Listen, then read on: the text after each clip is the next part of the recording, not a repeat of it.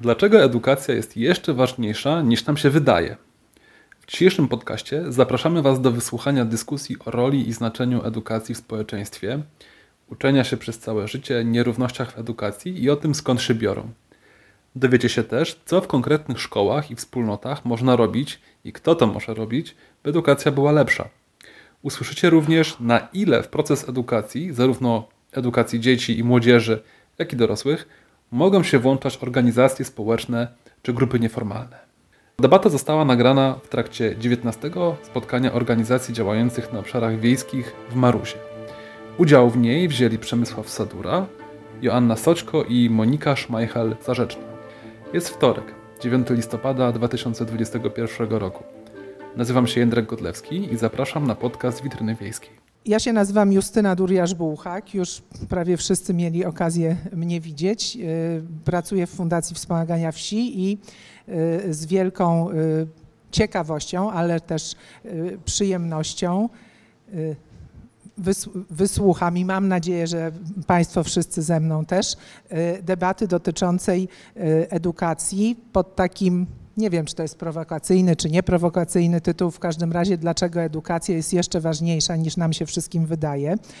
Mamy tutaj ze sobą y, troje bardzo dobrych ekspertów. Joanna Soćko, Monika Szmajchel-Zarzeczna, y, Przemysław Sadura, wieloletnia nauczycielka, edukatorka, dyrektorka szkoły podstawowej w Pozezdrzu, z tego, co będzie mówić, jeszcze więcej się zorientujecie, co robi i kim jest. Monika Szmajchel-Zarzeczna, edukatorka, bibliotekarka w Lublinie, dobrze mówię, zajmująca się e, również edukacją dorosłych i uczeniem się e, przez całe życie. Przemysław Sadura, profesor socjologii na Uniwersytecie Warszawskim, zajmuje się wieloma rzeczami, ale między innymi napisał książkę Państwo Szkoła Klasy, gdzie zanalizował kwestie nierówności y, w edukacji i tutaj y, głównie dzisiaj mamy go w tej roli. Powiedziałam o, o tej książce i o nierównościach. Y, dwa dni temu zobaczyłam w dyskusji takiej, wiecie, na, na YouTubie, tak, pod, pod nagraniem, które dotyczy między innymi nierówności w edukacji, ktoś napisał, ale po co w ogóle nam ta równość? Dlaczego mamy dążyć do tego, żeby ta edukacja wyrównywała szanse i pozwalała wszystkim na e, z grubsza równie dobry start e, w dorosłe życie? My wszyscy, którzy jakoś śledzimy edukację, czy zajmujemy się nią czynnie, wiemy, że ona nie do końca y, się z tego zadania wywiązuje z jednej strony, a z drugiej strony konstytucja nasza gwarantuje nam edukację bezpłatną i mówi o tym, że y, Polska jest y, państwem sprawiedliwości społecznej i często edukację uważa się za jeden z kluczy do tej sprawiedliwości, czy też takich, ta, takich sposobów, które pomagają y, tę sprawiedliwość realizować i tę równość osiągnąć. Więc jak, tu jest, jak to jest y, z tą nierównością i co my nie tylko jako dyrektorzy szkół czy nauczyciele, ale my wszyscy jako y, ludzie aktywni możemy robić, żeby to wyglądało lepiej. Dzień dobry, dziękuję za zaproszenie, dziękuję też za to pytanie. Okej, okay, rzeczywiście możemy zacząć od tego, żeby sobie na nie odpowiedzieć. Dlaczego w ogóle równość e, e, jest potrzebna, ważna? E, I badania naukowe, zwłaszcza prowadzone przez epidemiologów, czyli na takich dużych bardzo liczbach, nie jakieś sondaże na reprezentatywnych próbach, tylko po prostu bardzo duże liczby pokazały, że w społeczeństwach, w których jest więcej równości, tak, czy w tych, w których nierówności dochodowe, nierówności prestiżu są ograniczane, E, ludzie deklarują, że są szczęśliwsi. E, ludzie generalnie są zdrowsi, rzadziej zapadają na choroby psychiczne. E, nierówności powodują po prostu stres, nie tylko wśród tych, którzy no, źle wypadają na tle innych i mają gorzej, ale również wśród tych, którzy starają się bardzo y, wybić ponad innych albo utrzymać taki wysoki status. Więc zarówno utrzymanie przewagi nad innymi, jak i znoszenie sytuacji, w której e, jesteśmy e, e, usytuowani gorzej niż reszta, powoduje potworny stres y, i przyczynia się do chorób psychicznych. Społeczeństwa, w których jest więcej równości, są też zdrowsze tak zupełnie w sensie fi- fizycznym, zdrowotnym, bo e, ważny jest e, ten równy dostęp do podstawowej e, opieki medycznej. Więcej tak naprawdę z punktu widzenia całego społeczeństwa zyskujemy na tym, że wszyscy mają równy dostęp do, szy- szybko mogą zrobić badania, dostęp do profilaktyki, niż to, że niektórzy mają dostęp do wyjątkowo kosztownych technik diagnostycznych. Czyli tak naprawdę ważny jest dostęp do tych podstawowych usług publicznych. E, No i teraz, okej, no to wiemy, że równość e, w społeczeństwie jest e, ważna, tylko skąd się ta równość bierze, tak? No my generalnie jako ludzie rodzimy się i wchodzimy w świat społeczny nierówni, bo nierówne są rodziny pochodzenia. Tak, rodzimy się i to nie jest to oczywiście ani nasz wybór, ani zasługa, ani wina. Rodzimy się w rodzinach, które są zamożne albo ubogie, bardzo dobrze wykształcone albo bardzo źle wykształcone, e, mieszkające w e, dużych miastach świata zachodniego albo w e, małych wiejskich miejscowościach w, w, w, krajach trzeciego świata. Żadna to wina ani zasługa.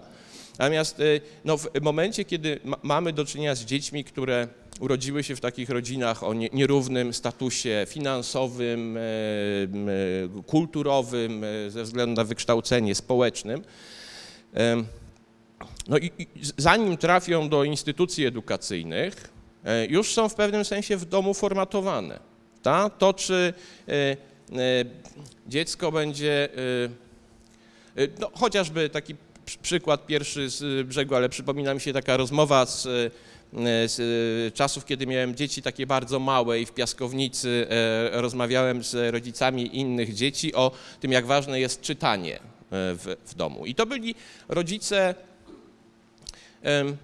słabo wykształceni, ale bardzo e, sz- szanujący wiedzę, wie- wie- wiedzący, że to jest ważne, tak? I skarżyli mi się, że e, no, oni bardzo by chcieli, żeby dziecko czytało, e, starają się zachęcać do tego, natomiast ich dziecko nie lubi czytać, lubi tylko i wyłącznie e, oglądać e, telewizję.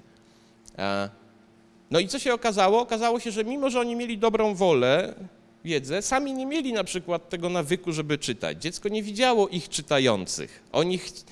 Dzie- Dzieci, i to pewnie każdy, kto ma dzieci, y, dobrze wie, są mistrzami świata w e, obserwowaniu i słuchaniu tego wszystkiego, czego nie chcielibyśmy, żeby usłyszały e, i zaobserwowały, a są mistrzami świata też w ignorowaniu tego, co byśmy chcieli, żeby e, usłyszały. Więc najwięcej tak naprawdę my przekazujemy nie wprost.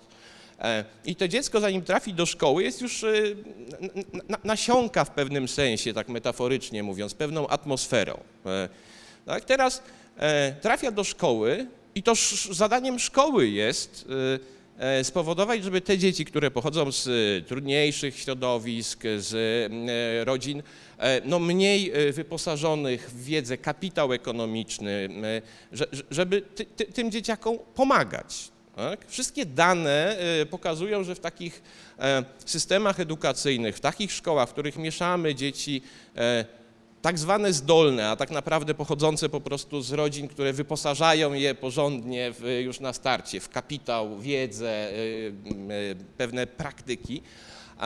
E, jeśli mamy szkoły, w których te dzieci przemieszane są z kolei z dziećmi, które pochodzą ze środowisk mniej e, wyposażonych w te wszystkie kompetencje, to zysk społeczny jest największy. E, Te dzieci słabsze, w cudzysłowie, szybciej się uczą, szybciej dorównują. E, Te mocniejsze e, nie tracą na tym, tak? Rozwijają się tak, jakby się rozwijały. No ale niestety nie wszystkie szkoły, nie wszystkie systemy edukacyjne o to dbają. Skądinąd Wiemy, co to są takie tak zwane metabadania, czyli kiedy zbiera się bardzo dużo różnych badań realizowanych na świecie i później się sprawdza, jakie wnioski, wyniki się powtarzają. Z takich metabadań wiemy, e, jaki powinien być system edukacyjny, który najlepiej dba o równość, daje największe szanse ty, tym, którzy e, e, na starcie mają gorzej, daje największe szanse dorównać do reszty. E, I ważne są tak naprawdę, naukowcy ustalili no, trzy, cztery czynniki. E, To jest przede wszystkim jak najwcześniejszy e, kontakt dzieci z systemem edukacyjnym, czyli nie, nie, nie tylko szkoła podstawowa, ale już e, system przedszkolny. Im dziecko wcześniej, im dzieci wcześniej zaczynają tą edukację, tym e, generalnie rzecz biorąc dla równości późniejszej lepiej. E, Drugi czynnik, mm, jak najbardziej opóźniony próg selekcji. Próg selekcji to jest ten moment, kiedy e, dzieci, młodzież już tak naprawdę, e, wybierając typy szkół, trochę kształtuje swoją karierę. To jest ten moment, kiedy decydujemy, czy pójdziemy do szkoły ogólnokształcącej, czy na przykład do e, szkoły branżowej obecnie, takiej bardziej zawodowej czy technicznej. Im później, tym lepiej. I trzecia rzecz, e, e, generalnie czas e, spędzony w takiej edukacji przy tablicy. Są trzy takie czy- czynniki, taka jak najdłuższa do- dobra edukacja. I teraz jakbyśmy spojrzeli na ostatnie reformy Prawa i Sprawiedliwości, a dzisiaj się dowiedziałem w ogóle, że e, Jarosław Ka- Kaczyński w swojej książce z 2011 roku m, e, em, e, mówił, że potrzebujemy finlandyzacji polskiej edukacji, że model fiński powinien być modelem, a fi- fi- fińska... Tak, tak. I to dokładnie tam e, pisze o, o finlandyzacji edukacji. Powołuje się też na przykład Związku Radzieckiego, że dzięki centralizacji system edukacyjny e, działał dobrze, że ta centrali... to- jest akurat oczywiście wprowadzenie centralizacji jako e, tego rdzenia systemu fińskiego jest pewnym nieporozumieniem, ale mówi o tym, że e, powinniśmy, e, powinniśmy e, mieć szkołę, która będzie promować równość. Jak spojrzymy na e, kluczowe czynniki reform e, Prawa i Sprawiedliwości, to mamy tam pierwszą decyzję, którą było wycofanie się z reformy obniżającej e, wiek szkolny, która przy wszystkich e, zastrzeżeniach dotyczących sposobu jej wdrażania, komunikowania tak dalej, miała skutkować tym, e, że e, przez, je- jeśli sz- sz- sześciolatki trafią do szkół, to robi się więcej miejsc w przedszkolach e, i w zasadzie wszystkie trzylatki w całej Polsce mogą rzeczywiście mieć dostęp do e, edukacji przedszkolnej. E, Więc pierwsze wycofanie się z czegoś, co miało ten potencjał e, wy- wy- wyrównujący możliwości. Druga rzecz, likwidacja gimnazjum. Znowu, przy wszystkich zastrzeżeniach dotyczących e, tego, jak wprowadzano gimnazja, jak to ko- komunikowano, Po latach od wdrożenia te gimnazja zaczęły działać. Rzeczywiście w międzynarodowych badaniach porównawczych było widać, że poziom edukacji rośnie, a nierówności zaczynają maleć. E, Z pewnymi zastrzeżeniami dotyczącymi większych miast. e, Nie będę w to wnikał, w tym momencie nie ma czasu, ale e, zlikwidowano gimnazja, przywrócono ośmioletnią podstawówkę, co oznacza, że e, próg y, selekcji był y, niżej, tak? Zamiast 6 plus, 9, 6 plus 3 e, to 9, 8 to jest obniżono próg, czyli dokładnie w odwrotną stronę e, niż należało to zrobić. E, Wszelkie szanse na to, żeby wydłużyć ten czas, kiedy nauczyciel, który nauczyciel spędza z dzieckiem, co musi się wiązać z podwyżkami dla nauczycieli. Trudno sobie wyobrazić, że środowisko nauczycielskie zaakceptuje zwiększenie pensum bez e, zwiększenia pensji. E, e, Zniweczono w momencie, kiedy był strajk szkolny. Tak? Kiedy nauczyciele e, domagali się podwyżek, e, wierzyli, że te podwyżki dostaną, e, uważali, że im się należą, rząd doprowadził do upadku tego strajku i doprowadził do takiego drastycznego obniżenia się morale nauczycieli. E, Tu, ci, Zaraz przerw- potem, tu dobra, ci przerwiemy. Dobra, to nie, to już trzy zdania, tylko trzy zdania. Okej, wiem, że trochę przeciągnąłem, ale będę mówił krócej później. E, E, Zaraz potem przyszła pandemia, która dodatkowo do, dobiła tych nauczycieli, no nie ma co ukrywać, tak? I teraz wchodziliśmy w rok e, szkolny, e, gdzie wiele szkół tak naprawdę miało problemy ze skompletowaniem kadry, bo tak wiele osób e, wypadło z zawodu, zrezygnowało albo przeszło do szkół e, prywatnych.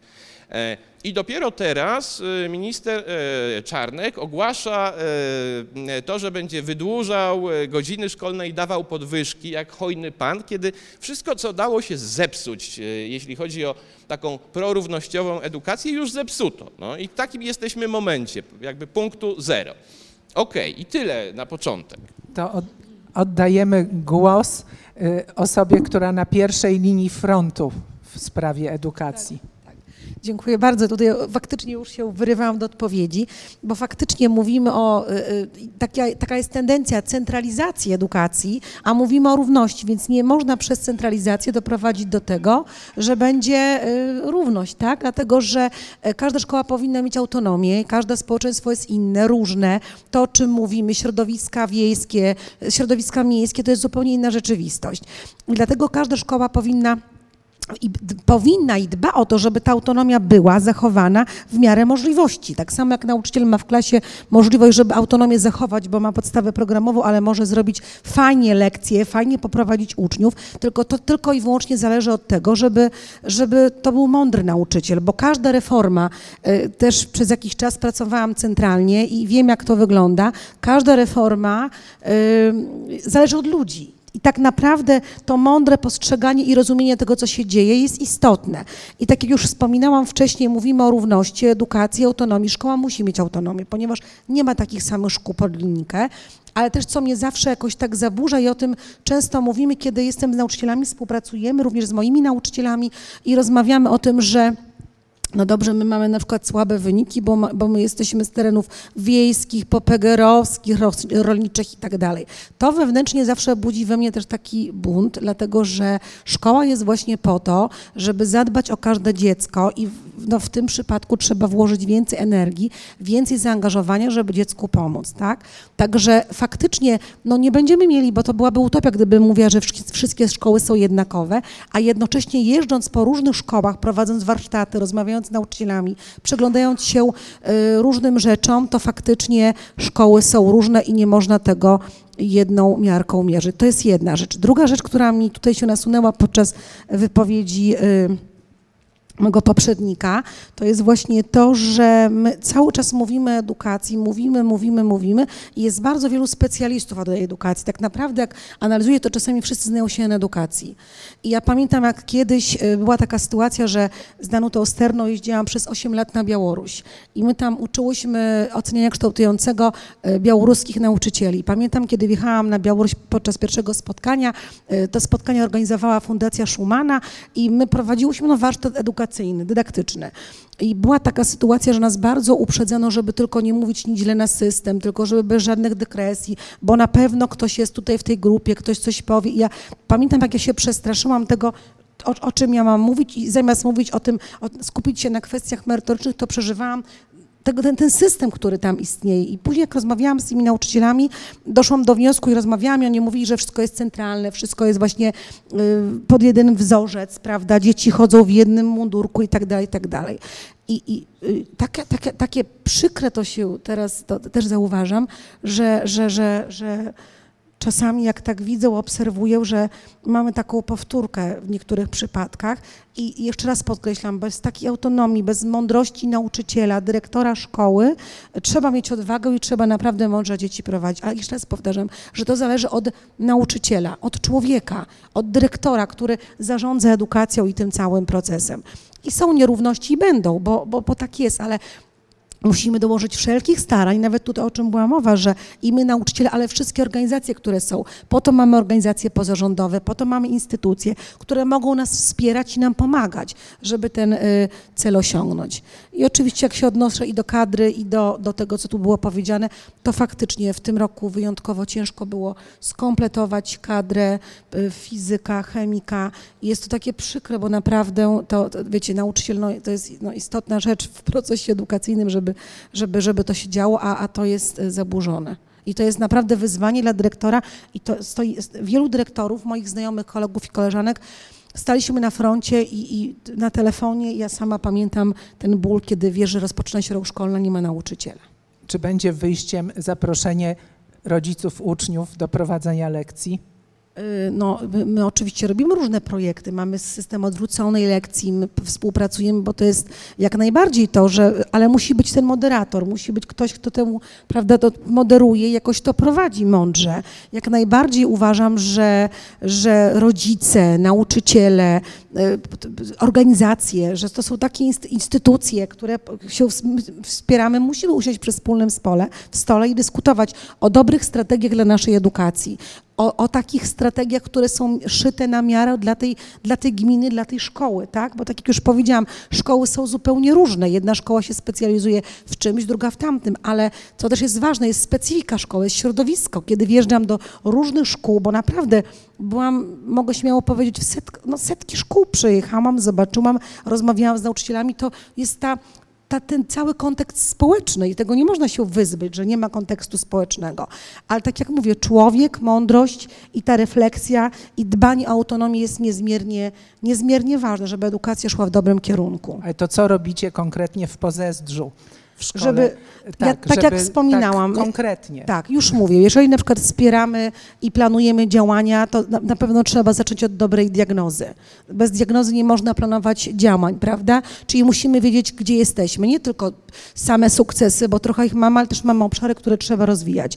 Na pewno organizujemy profil szkoły, czyli to narzędzie takie diagnostyczne, gdzie zapraszamy też wspominałam o tym na, na wykładzie rodziców, radnych, władze samorządowe, y, na uczniów, nauczycieli i dyskutujemy o szkole. Po- Pojawił się nam taki pro, pro, profil szkoły, gdzie jesteśmy i różne perspektywy. I nie zawsze y, każdy, przeważnie nie każdy widzi to samo, tylko widzą inaczej szkołę, którą mi się wydaje, że jest fajna, a ktoś mi mówi, że nie jest fajnie. Tak jak pamiętam, kiedy byłam młodą nauczycielką i właśnie Centrum Edukacji poprosiło mnie o to, żeby zbadać, jak zadaję pytanie. No dobrze, mi się wydawało, że jestem najmądrzejsza w całej wsi, takie robię fajne lekcje i w ogóle, i w ogóle. I po czym, jak była nagrywana moja lekcja, dostałam informację zwrotną, okazało się, że na lekcji zadaję pytania i na wszystkie praktycznie samo odpowiadam i jeszcze mówię świetnie, bardzo dobrze, jestem zadowolona.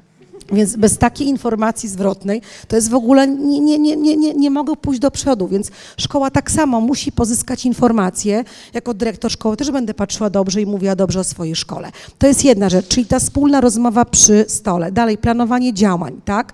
Robienie, dyskusja, roz, zaproszenie do każdego działania tak naprawdę rodziców.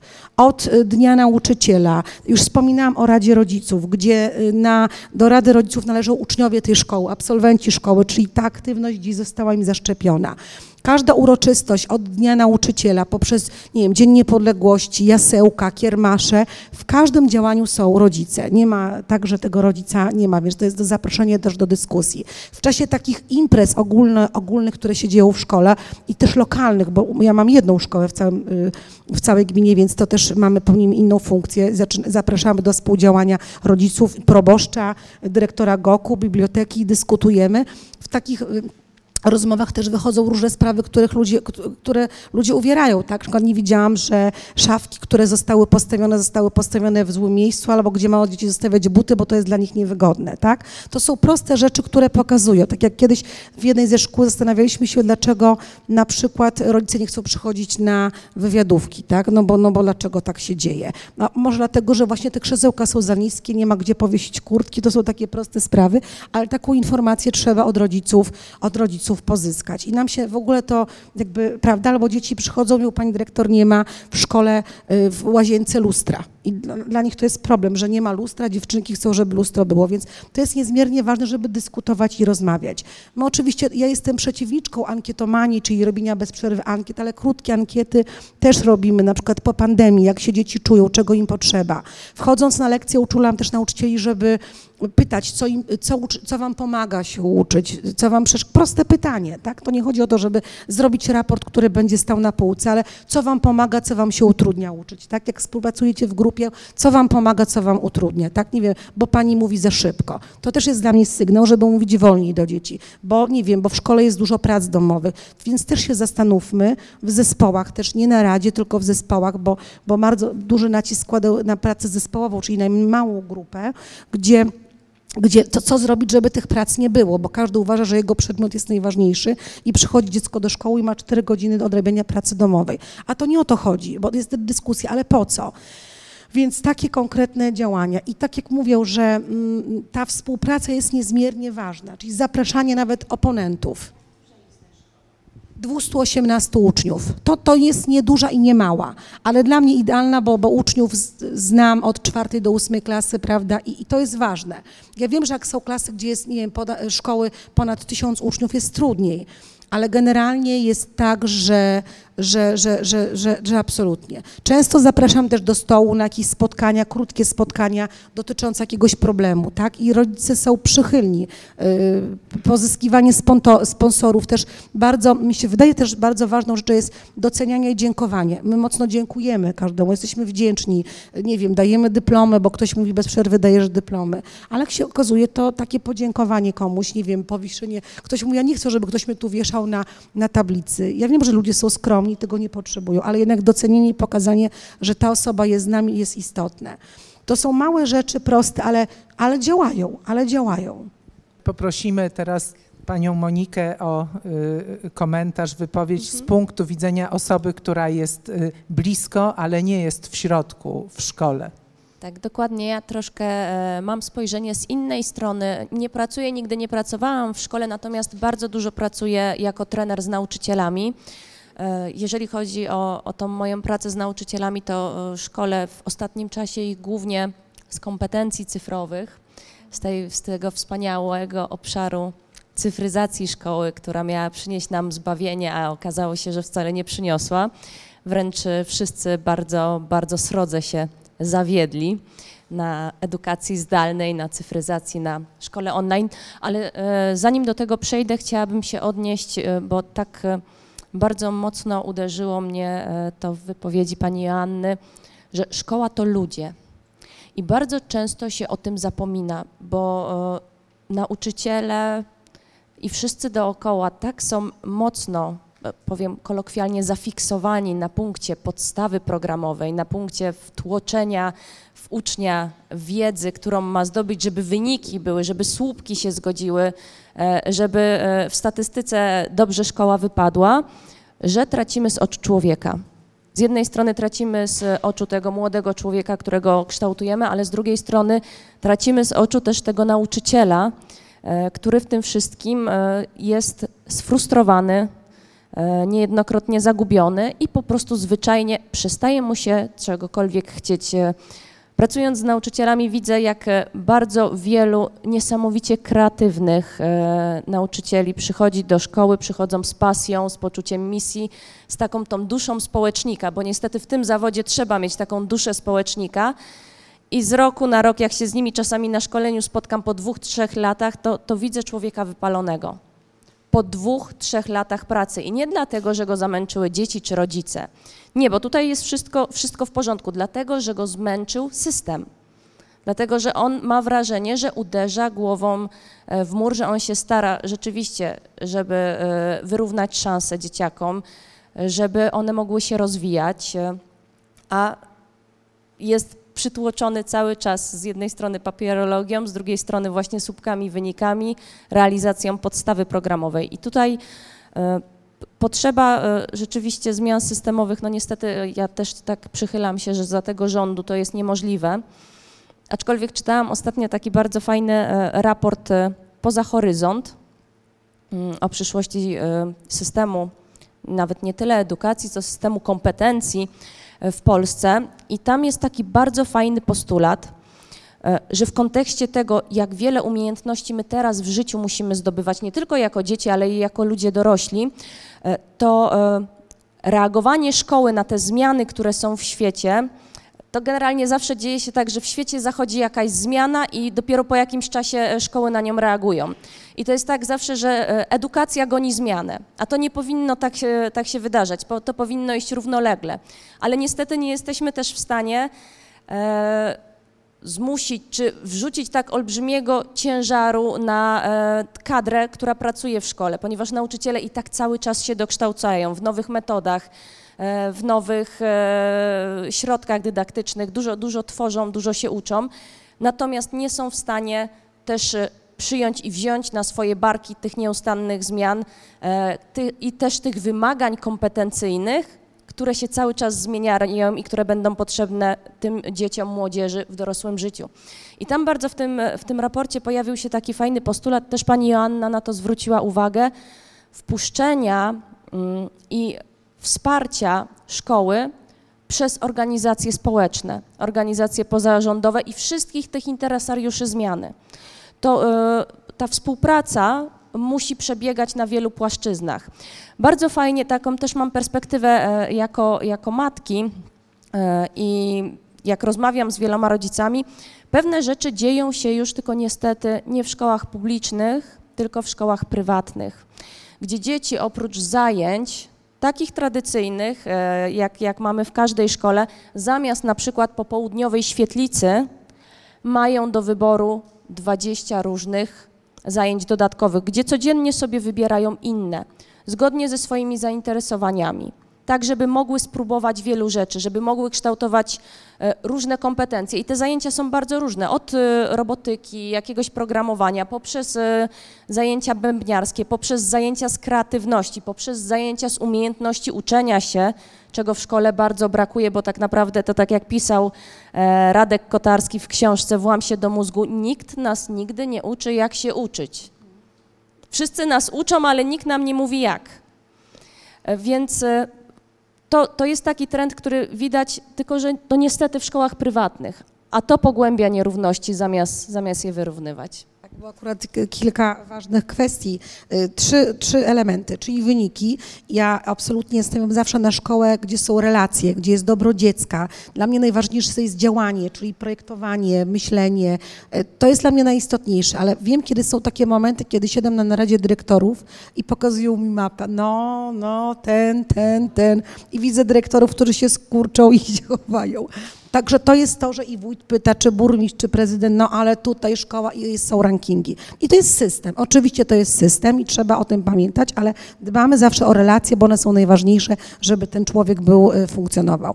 Kolejna rzecz, ten system, który jest, tak jak mówił, no są pewne schematy, których nie przeskoczymy, bo jest rozporządzenie, ustawa i to nas zobowiązuje, ale jeszcze raz podkreślam, człowiek, który mądrze do tego podejdzie i tak jak tutaj była mowa, prawda, są nauczyciele fantastyczni z refleksją i to wcale nie tylko młodzi, bo ludzie, którzy pracują 20 parę lat, 30 parę lat, robią fajne rzeczy, kochają dzieci, dbają o dzieci, przychodzą, rozmawiają, a może zrobię to, może zrobię to, może zrobię to. I też tak jest. I to trzeba tutaj podkreślić, że są świetni nauczyciele, ale są też tacy, którzy po prostu nie powinni być w tym miejscu i nie mogą odejść, bo ktoś powiedział, że jestem nauczycielką, teraz będę do końca życia nauczycielką, a niestety nie, nie, to nie tędy droga, prawda? Więc absolutnie trzeba wzmacniać tych dobrych nauczycieli i powinien być mechanizm dla dyrektora. Ja tym chciałabym, żeby tak było, żeby dyrektor miał taki mechanizm, żeby jednak ludzi, którzy nie lubią dzieci, bo tacy się też zdarzają, w tej szkole nie byli, bo, bo sobie jakby robimy wielką krzywdę. I to, jak się uczyć, to jest też postulat w tym roku w mojej szkole, gdzie, gdzie, gdzie taki wniosek do, do rozwoju, żeby właśnie nauczyć, jak się uczyć, czyli zaprosić edukatora, który nas, nauczycieli, nauczy, jak uczyć dzieci się uczyć. I każda, każdy wychowawca na godzinie wychowawczej taki właśnie element y, poprosiłam o wprowadzenie, bo faktycznie nie wiemy, jak się uczyć. Uczeń nie wie, jaki ma styl uczenia się i to jest bardzo ważne. I też, co jest istotne, czasami analizują treści, które są w podstawie programowej, bo też chodzę przecież na obserwacje lekcji. I często, słuchajcie, jak chodzą na lekcje, ja nie mogę do koń- do, dotrwać do 45 minut. Ja, mi jest tak ciężko, żeby przetrwać na lekcji. I zawsze tak wychodzę, to patrzę na te dzieci, oni jeszcze mają 6 lekcji. Ja zaraz uciekam, wychodzę albo jeszcze w trakcie, a to jest właśnie trudne, że ten młody człowiek powinien, musi jeszcze do- dotrwać do siódmej lekcji. I kolejny ważny wniosek o atrakcyjności lekcji, żeby uczniów włączać w ten proces uczenia się, żeby oni byli aktywni, że zobaczcie, jak wychodzi nauczyciel po lekcji.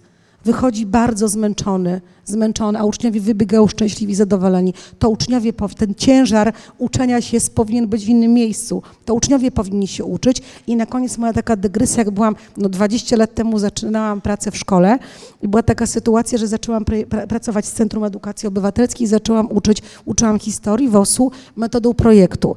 I y, projekt, wiadomo, planowanie, przesuwanie ławek, pisanie, różne rzeczy. I dwa razy wszedł dyrektor na małą lekcję, co się dzieje. Ja jeszcze pamiętam, czwarta klasa robili mumię, więc po prostu był, był szał. I później mnie wezwał do siebie i powiedział, ja rozumiem, że ty nie panujesz nad, nad klasą i dostałam reprymendę, że tak nie powinna wyglądać lekcja.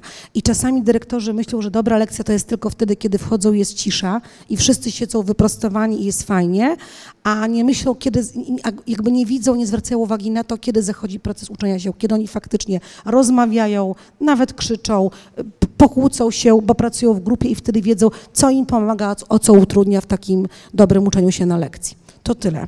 Muszę się tylko odnieść e, do tego e, zdejmowania trochę ciężaru z nauczyciela i, i przeniesienia ciężaru na ucznia. To jest doskonale obecne w edukacji dorosłych. Tak pracuje trener z dorosłymi.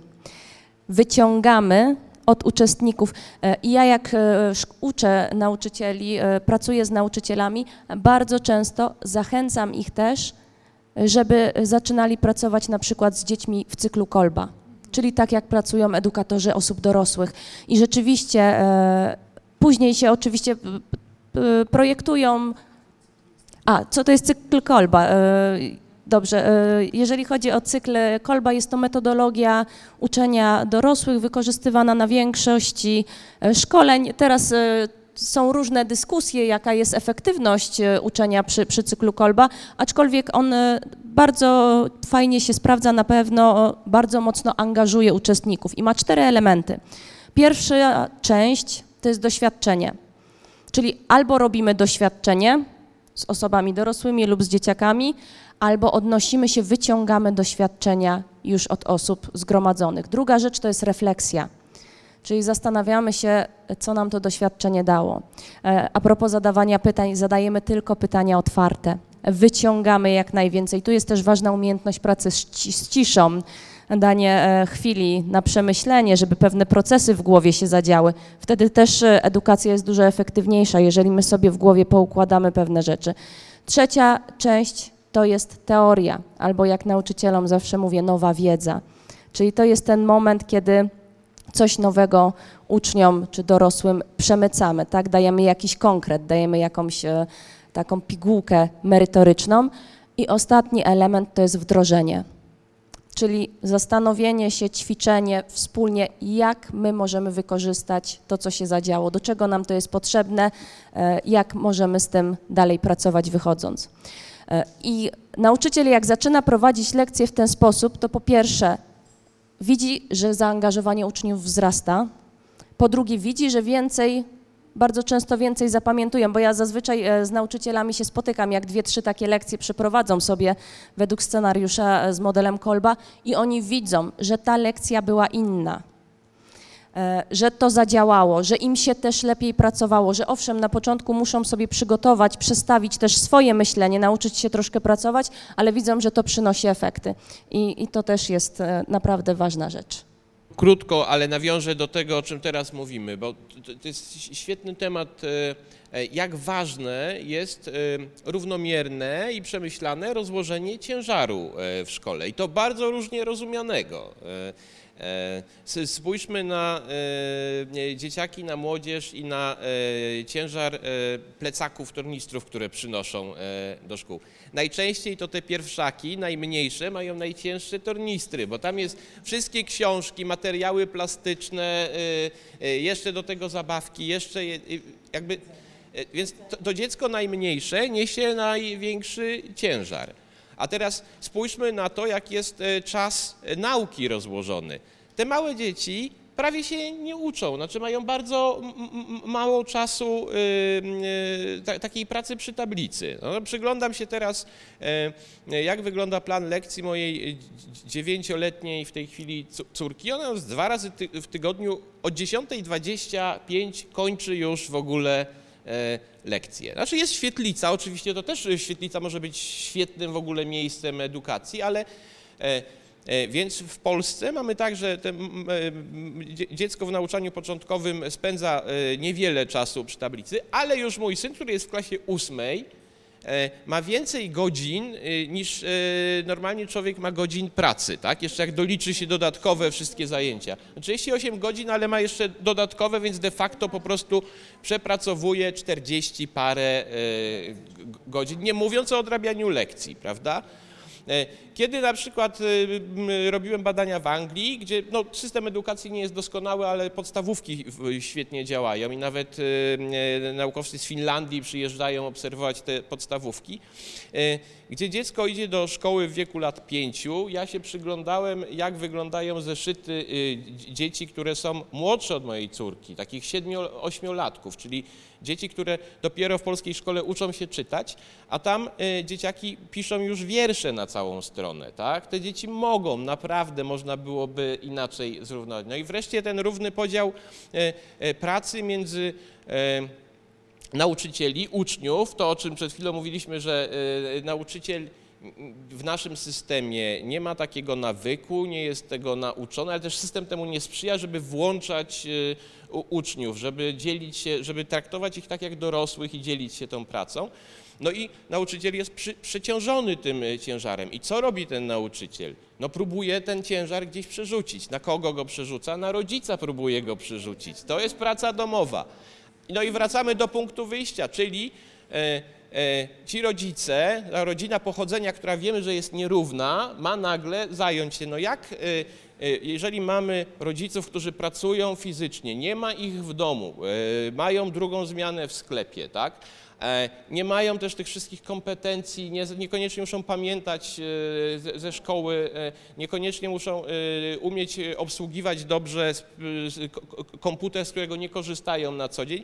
Mają odrabiać z dzieckiem pracę domową w taki sam sposób, jak wykształceni rodzice dysponujący czasem elastyczne godziny pracy są w domu, kiedy dziecko tego potrzebuje. Czyli my przerzucamy, nie, nie umiejąc podzielić się tym ciężarem, przerzucamy go tam, gdzie odtwarzamy nierówności zamiast e, je niwelować. No i tak też świetnie, że pani dyrektor e, w ogóle wdraża ten program rozwiązania problemu prac domowych, bo to jest e, nie, to jest przekleństwo polskiej szkoły i naprawdę są dobre systemy edukacyjne, dobre szkoły, w których prac domowych praktycznie nie ma, bo jeżeli dziecko odpowiednio e, dużo czasu pracuje w szkole, to nie musi tego, a w domu niech ma czas na zabawę. Wiemy, że w, szko- że w szkole, jak jest dobra pani dyrektor albo dobry pan dyrektor, no to po prostu wszystko się uda, nawet jak ma kryzysy. No ale by, bywa tak, po pierwsze, że ta szkoła naprawdę jest kiepska, no a po drugie przecież y, my w wieku tam jedni 18, drudzy 20 paru lat, y, no wychodzimy już z tego y, systemu edukacji formalnej. To nie znaczy, że przestajemy się uczyć, tak? jak możemy się y, dalej uczyć. Tak. Drodzy Państwo, to co mi tak bardzo mocno przyświeca w życiu dorosłym, to to jest fakt, który musimy zaakceptować, że nasza edukacja nie kończy się na szkole i my się w szkole nie jesteśmy w stanie zdobyć wszystkich potrzebnych w życiu umiejętności. A prawda jest taka, że wiele osób dopiero jak skończy studia i zaczyna pracę, to zaczyna się uczyć bo wtedy życie weryfikuje, co nam jest tak naprawdę potrzebne. Szkoła daje nam bazę wiedzy ogólnej, bazę pewnych umi- umiejętności i musimy to traktować jako punkt wyjściowy tak naprawdę do tego, żeby się uczyć w życiu dorosłym. A dlaczego tak się stało? E, Bo to jest też e, rzecz, która bardzo mocno zmieniła się przez ostatnie około 250 lat. Dominika e, dzisiaj mówiła o tym, że kryzys klimatyczny to jest kwestia około 200-250 ostatnich lat i tak samo jest z edukacją. Jesteśmy w tym momencie w okresie czwartej rewolucji przemysłowej. Część osób mówi, że jeszcze na etapie przejściowym, część osób mówi, że już w trakcie. 250 lat ostatnich to jest olbrzymi skok rozwojowy, technologiczny. To jest okres właśnie czterech rewolucji przemysłowych, tak? Pierwszej rewolucji, czyli rewolucji parowej, gdzie się pojawił, e, tak naprawdę zaczął rozwijać przemysł, pojawiła się kolej, e, pojawiły się fabryki, później świńskiej rewolucji, gdzie pojawiła nam się produkcja masowa, rewolucji e, techniczno-informacyjnej, gdzie pojawiły się komputery i internet i walutą taką podstawową zaczęła być informacja, czyli taka ta waluta niematerialna. No i czwarta rewolucja, którą się określa właśnie takimi hasłami, e, które, które każdy z nas gdzieś słyszał, być może nie do końca zawsze wiemy, co, co oznacza, jak sztuczna inteligencja, tak? jak e, inteligentne miasto, e, jak blockchain, jak big data, jak all data, jak właśnie kryptowaluty. To wszystko sprawia, że zmiany, które zachodzą wokół nas, zachodzą w tak szybkim tempie, i tak duży mają wpływ na nasze życie, że jedyna rzecz, którą my możemy zrobić, żeby utrzymać się na powierzchni, jest uczyć się, a przez edukację adaptować się do tych zmian. To nam doskonale pokazała pandemia. W przeciągu roku większość z nas musiała nauczyć się pracować w zespole rozproszonym, zdalnym, tak? Musiała się przeprosić z technologią, której być może nie lubiła, albo uważała, że, że w internecie to można tylko, prawda, w social mediach i głupie filmiki e, i tego rodzaju rzeczy, a, a w ogóle to no, tam jest niebezpiecznie. E, bardzo dużo rzeczy pandemia też przyspieszyła, mm, które i tak by się wcześniej stały. I właśnie tutaj odpowiedzią na te różne zmiany mówi się też, e, że żyjemy właśnie w świecie tak zwanym WUKA, tak? W świecie, który jest pełen niepewności, właśnie zmienności, e, ale ucząc się, będąc otwartym na, na nowe rzeczy, tak, i cały czas e, jakby szukając swojej drogi i kompetencji, których potrzebujemy, my jesteśmy w stanie, że tak powiem, troszkę tą niepewność i zmienność i ten strach, który gdzieś tam może nam towarzyszyć, zniwelować. Więc no, taki bardzo dużo teraz mówi się o kompetencjach przyszłości. Ja e, osobiście czytam namiętnie różne raporty, które się pojawiają i w tych raportach różne te kompetencje się pojawiają, od 10 chyba do 17. Niektóre się powtarzają, niektóre się, są inne, ale kompetencją, która się pojawia absolutnie wszędzie, jest umiejętność uczenia się i właśnie to uczenie się przez całe życie. Więc to też musimy zaakceptować jako taki fakt, że nasza edukacja nie kończy się na szkole, że wiedza, którą raz zdobędziemy, nie jest ani trwała, ani wystarczająca. Nasza edukacja nie kończy się na szkole, trochę tak jak, nasz, jak, jak, jak szkoła nie, nie kończy się tam, gdzie, nie wiem, jest y, mur szkolny albo nawet y, ogrodzenie terenu szkolnego. To jest to, co mówiła pani dyrektor, to co państwo mówiliście, że nie, nie będzie dobrej szkoły, która próbowałaby funkcjonować jak samotna e, wyspa na jakimś pustym e, morzu. Tak?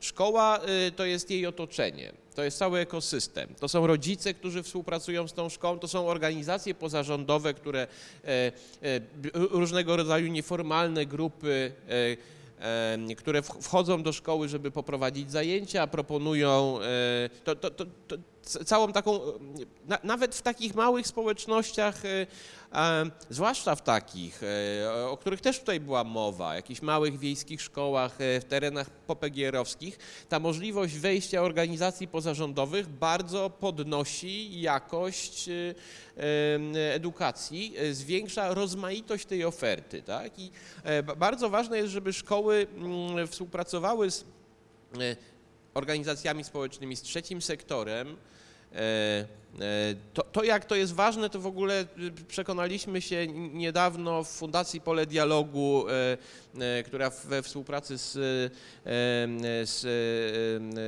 Centrum Edukacji Obywatelskiej zrobiła badanie dotyczące problemu we współpracy szkół i organizacji pozarządowych. To jest taki świeży raport, który można znaleźć na stronie Pola Dialogu. I okazuje się, jak wiele jest barier, prawda? E, tego, że mamy wiele szkół, których dyrektorzy, zwłaszcza prawda, mała szkoła, im mniejsza szkoła, tym e, tak naprawdę znaczenie dyrektora jest większe. E, ale tak, są dyrektorzy, którzy są otwarci i zapraszają do współpracy, są tacy, którzy są zamknięci, boją się. Ten strach, który który się nasila, e, żeby nie podjąć kontrowersyjnych tematów, a jak Państwo wiecie, lista kontrowersyjnych tematów obecnie się wydłuża, jest już tak długa, że e, trudno znaleźć temat, który potencjalnie nie jest kontrowersyjny. Da?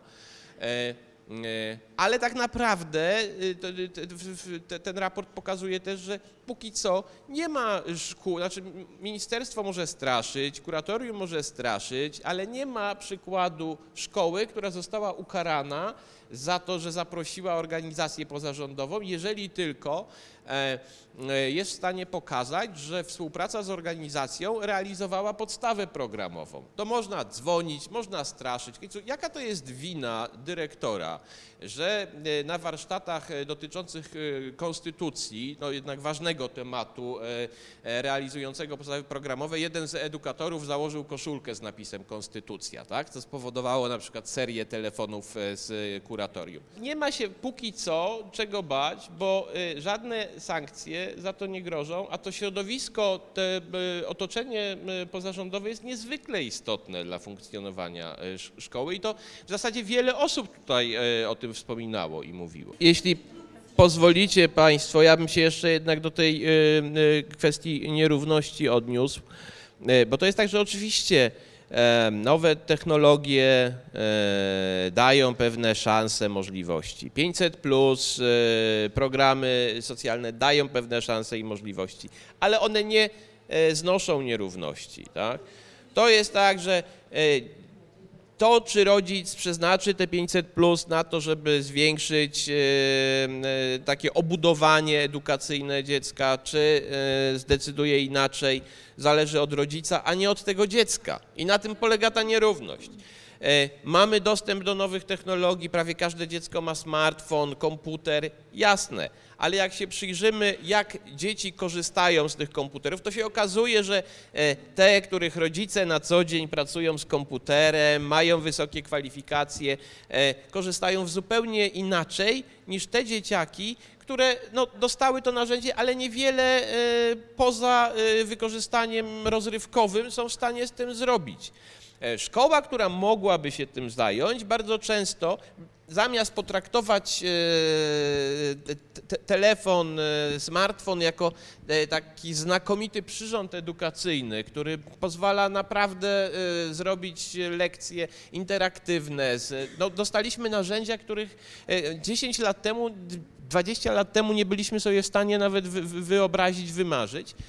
Większość szkół, nie tylko w Polsce, z y, takim zaangażowaniem godnym lepszej sprawy walczyła z, y, z, ze smartfonami. Wprowadzała zakazy przynoszenia do szkoły, zakazy wykorzystania na lekcji, zakazy wykorzystania na przerwie, zamiast y, przekazywać tą wiedzę. Więc nie, nie jest tak, że jest pod tym względem y, lepiej. Są y, oczywiście narzędzia i są możliwości. W se- w sensie, że gdybyśmy chcieli walczyć z nierównościami, to mamy większe możliwości niż kiedyś, natomiast dalej trzeba aktywnie to robić, a pandemia y, i zdalne nauczanie tak naprawdę doprowadziło do zwiększenia i do takiego skokowego, drastycznego nierówności. Y, Ministerstwo nie chciało nawet policzyć y, uczniów, którzy wypadli z systemu e, na ten, w, trakcie zdalnego nauczania. My nawet nie jesteśmy do końca w stanie powiedzieć, wiemy, że te nierówności wzrosły, ale nie jesteśmy w stanie tego zmierzyć i powiedzieć o ile i jak. Więc e, zwiększenie możliwości oddziaływania tak, i tu się z Panem w 100% zgadzam, ale z tym, że tych nierówności rzeczywiście jest, e, że, tutaj zgo- zgody nie ma. E, Ja się muszę odnieść do tego internetu i do kompetencji cyfrowych młodych ludzi. E, Drodzy Państwo, to jest kolejna rzecz, z którą to, to nie jest umiejętność, z którą my się urodzimy. Umiejętność obsługi smart, to znaczy umiejętność klikania w aplikacji czy obsługi smartfona, to ja rzeczywiście widzę, e, że, że mój dwuletni syn jest w stanie sobie włączyć i zrobić zdjęcie smartfonem, bo zobaczył gdzieś, jak ja odblokowuję ekran i gdzie się klika aparacik, tak? To owszem. I takie kompetencje cyfrowe, umiejętność klikania, wrzucenia e, komunikacji e, za pomocą mediów społecznościowych, tak, e, zagrania sobie na smartfonie, wielu młodych ludzi rzeczywiście ma. Mm, Ja w tym temacie zachęcam Państwa bardzo do posłuchania sobie troszkę wykładów profesora Pyżalskiego, który się zajmuje e, tym obszarem i też bada e, młodzież w świecie cyfrowym i, i dzieciaki w świecie cyfrowym, jak one się poruszają. Wczoraj słuchałam wykładu, e, bo byłam z profesorem Pyżalskim na konferencji pod Wrocławiem i on się zapytał tak słuchaczy, w ogóle co to są kompetencje cyfrowe? Czy kompe- kompetencją cyfrową jest e, umiejętność e, sformatowania tekstu, dobrze przygotowania na przykład e, publikacji, czy pisma urzędowego, czy listu w najprostszym Wordzie? Bo jeśli tak, to 90% jego studentów tej umiejętności nie posiada. Czy kompetencją cyfrową jest umiejętność znalezienia odpowiednich informacji w sieci na dany temat, ale jeszcze takich, których my, które my rozumiemy i jesteśmy w stanie przetworzyć i zaprezentować później na ich bazie jakiś temat? Też ilość, pro, ileś procent jego studentów takiej umiejętności nie ma, tak?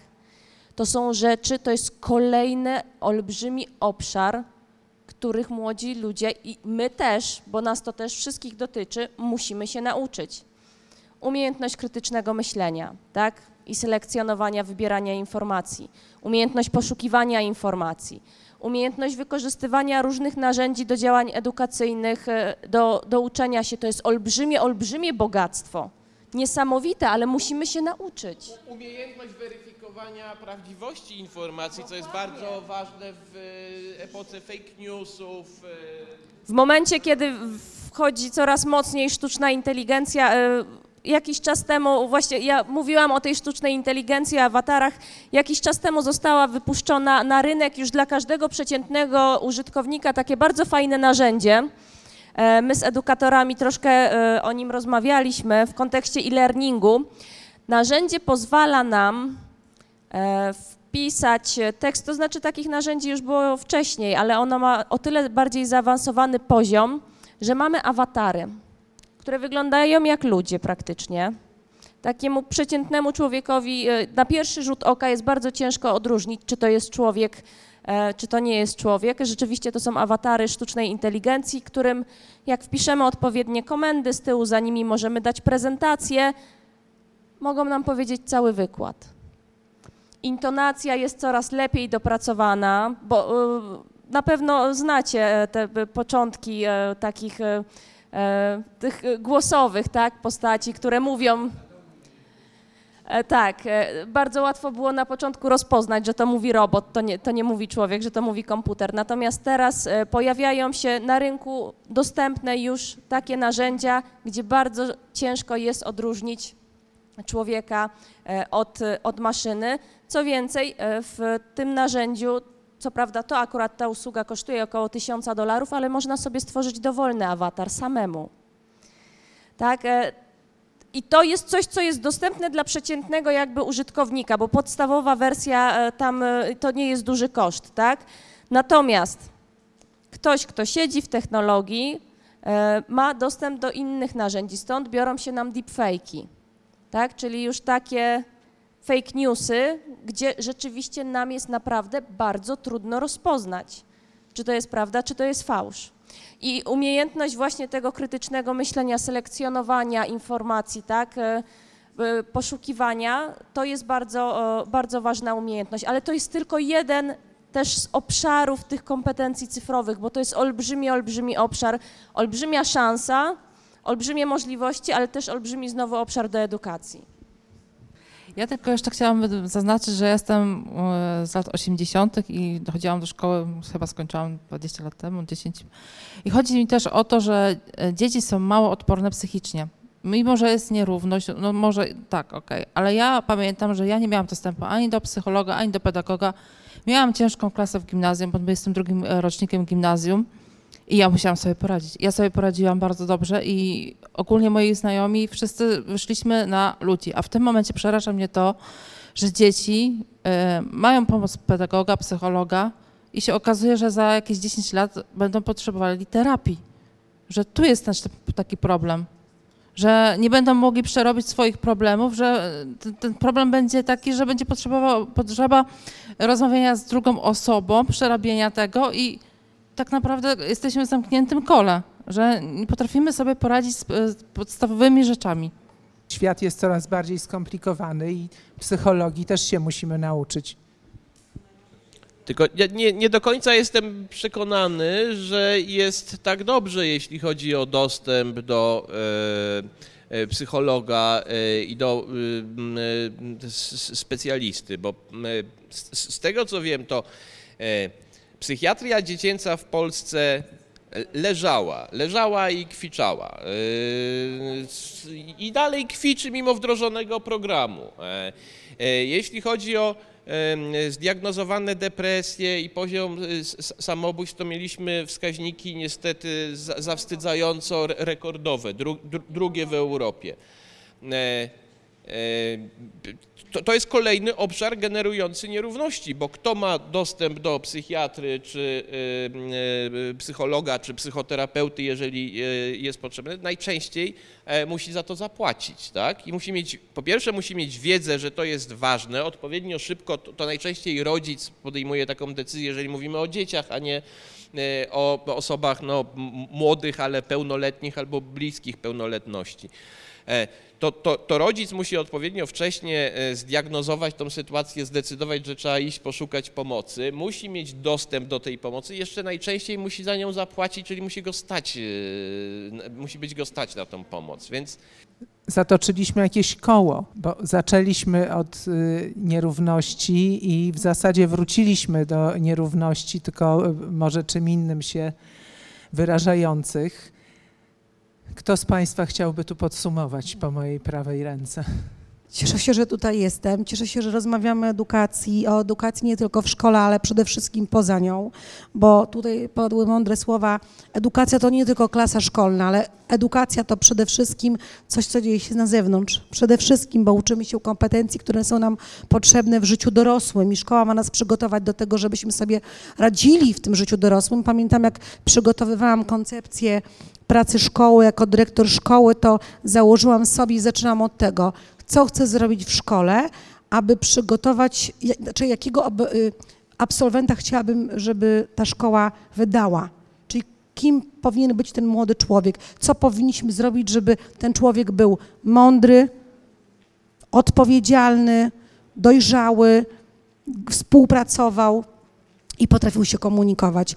I pod te, pod te działania właśnie projektowaliśmy pracę szkoły. Czyli szkoła to nie tylko klasa, ale przede wszystkim to całe otoczenie i każdy z nas powinien pamiętać, że przygotowujemy młodego, świadomego obywatela aktywnego. Sama szkoła nie wystarczy. E, Tak, minu, minuta została. Dobrze, to ja powiem tylko e, szybciutko. Bardzo się cieszę, że spotkaliśmy się w takim e, gronie i ja bym chciała Państwu bardzo, bardzo podziękować za tą aktywność, za te emocje, za dzielenie się Waszymi własnymi e, doświadczeniami i spostrzeżeniami, bo myślę, że to było bardzo cenne podczas tej, tej naszej rozmowy. Także ja gwoli podsumowania dziękuję bardzo. Ja, ja, ja też dziękuję za tą dyskusję i za zaangażowanie tak wielu osób. Te, też mam tak jak Justyna to poczucie, że zatoczyliśmy taką pętlę, zrobiliśmy taką pętlę, bo na początku z, z, zaczęliśmy od tego, po co w ogóle równość, tak? I rozmawialiśmy o tym, że w społeczeństwach, y, y, które y, e, są równe, no, jakość życia, również psychicznego jest wyższa, tych e, problemów psychicznych jest znacznie mniej kończymy na problemach psychicznych i na tym, czy mamy ten dostęp do opieki, czy nie, a w każdym razie nie mamy wątpliwości, że dzieci tego potrzebują. E, Jakbyśmy nie zbudowali systemu e, ps- psychiatrii dziecięcej, psychoterapii, e, to e, nigdy e, nie- nie osiągniemy e, tego, co moglibyśmy osiągnąć, mając edukację e, walczącą z nierównościami, która będzie e, taką szczepionką e, przeciwko e, tego typu przy- przypadłościom. Więc róbmy co w naszej mocy, żeby ta edukacja e, rzeczywiście walczyła z nierównościami na tyle, na ile to możliwe i zabezpieczała nas jako społeczeństwo przed tego typu schorzeniami cywilizacyjnymi. A każdy z nas może coś zrobić, dołożyć do tego cegiełkę i, i róbmy to.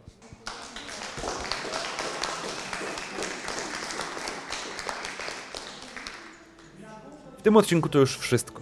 Zapraszamy do obserwowania nas na Facebooku pod adresami facebook.com ukośnik fundacja.wspomagania.wsi oraz facebook.com ukośnik wwiejska.